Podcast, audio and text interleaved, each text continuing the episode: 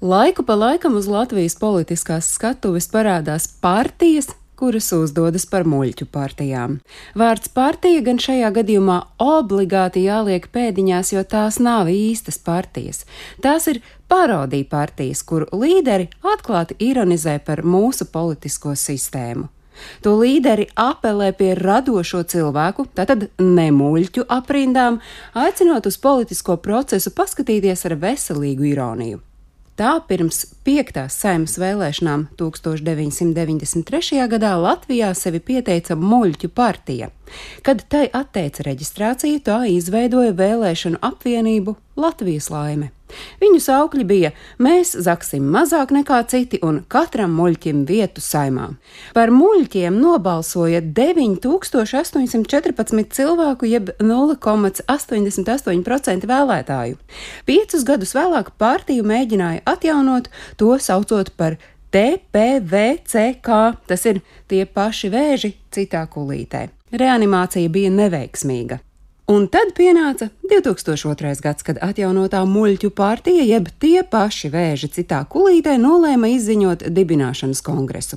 15. jūlijas bija tā diena, kad Kronvalda parkā bija paredzēts dibināt muļķu partiju, kas piedāvātu jebkuram Latvijas pilsonim iespēju kļūt par saimas deputātu. Plāns bija šāds: pēc partijas reģistrēšanas veidot deputātu kandidātu sarakstu, kurā iekļautu simt personu, bet par kandidātu varētu kļūt tie pirmie simt cilvēki, kuri šādu vēlmi izteiktu. Stratēģija bija gaužām vienkārša. Tādējādi šāda deputātu kandidātu saraksta veidošana ļautu cilvēkiem balsot pašiem par sevi, nevis kaut kādiem nezināmiem politiķiem. Par partijas līderi bija plānots izvirzīt dīdžeju un mūziķi Horanu Stalbi. Viņš uzsvēra, ka muļķu partija principā būtu pret visu līdzinējo politisko spēku darbību, un muļķu partijas dibināšanas galvenais mērķis būtu bijis piespiest sabiedrību domāt par to, ko viņi ievēl saimā. Sakot, ka ir muļķīgi balsot septiņas reizes par tiem pašiem politiķiem un vēlāk gānīties, ka atkal ievēlēti slikti cilvēki, kuri apzog valsti un dara citādi sliktus darbus, tā savulaik teica Horens.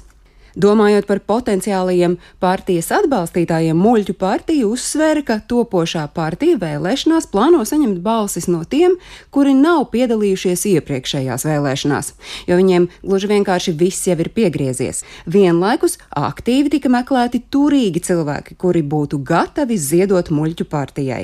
Partijas dibināšanas kongress bija izziņots 15. jūlijā Kronvalda parkā. Reģistrācija dalībai kongresā bija paredzēta jau no pusdienas laika līdz līdz pat sešiem pievakarē, tad arī sāktos pats kongress. Un partijā patiesi varētu iestāties jebkurš interesants, kuram līdzi tajā brīdī būtu bijusi pase. Dalības nauda arī partijas biedriem nebija paredzēta. Viss gan beidzās ar Pilnīgi neko, jo kvoruma trūkuma dēļ partija tomēr tā arī netika nodibināta. Tikmēr pasaulē nereizi vien bijuši centieni dibināt un arī darboties savdabīgām partijām. Tā piemēram, alus mīlētāju partija Krievijā, marihuānas un ieroču partija Amerikā vai mīlas partija Itālijā, kuru dibināja savulaik divas porno zvaigznes Bet tepat kaimiņos neatkarīgo rojālistu partija bija pirmo postpadomju vēlēšanu pārsteigums Igaunijā. Turklāt rojālistiem parlamentā izdevās iegūt astoņas vietas. Partijas trīs redzamākie dibinātāji bija trīs komiķi, kuri jokojot uzstāja, ka Igaunija jāpārvērš par monarhiju. Viņi uzrakstīja vēstuli pat Britu karaliskās ģimenes loceklim princim Edvardam ar lūgumu kļūt par Igaunijas karali. Atbilde gan netika saņemta. Stāstīja Agnese Drunka.